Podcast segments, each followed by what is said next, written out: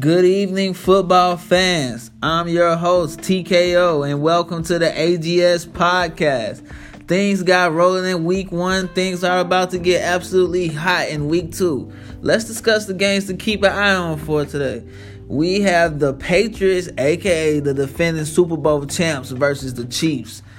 Personally, this is the only game I'd rather keep my eyes on as their last meeting was in the AFC Championship game. Sadly, the Pats handed the Chiefs an hefty L. Now they have revenge in this game. Expect a tough, close game between these two powerhouses.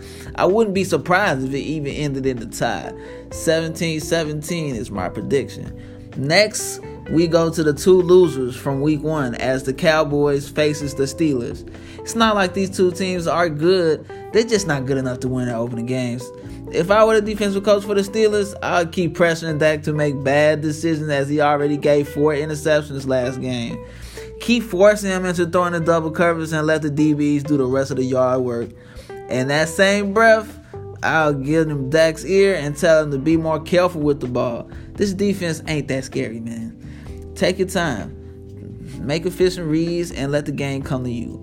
Either way, I expect a low key blowout by the hands of the Cowboys. 38 13. Now, here's a game that should probably count as a rivalry game, as the Minneapolis Miracle play still creeps in the Saints' head every now and then. The 1 0 Vikes and the 0 1 Saints should be a good game. Wait a minute, I lied.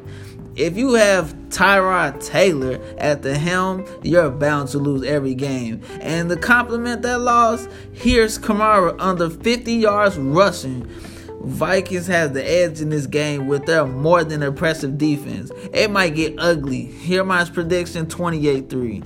Hold the phone. We have another game that I need everybody to keep their eyes peeled on. The Houston Texans are set to play against the Titans in 2 hours. This is a true rivalry game. Both previous playoff teams who's looking to make another trip again with the important game so early in the season. Even though the Texans lost miserably in the last game, they're dangerously poised to win against the Titans in this defensive affair. But then again, the Titans are no pushovers, so the game could go either way. I say Texas barely make it out of this one 24 21. That's all for now, man, guys. Thanks for tuning in to AGS Podcast. Peace out.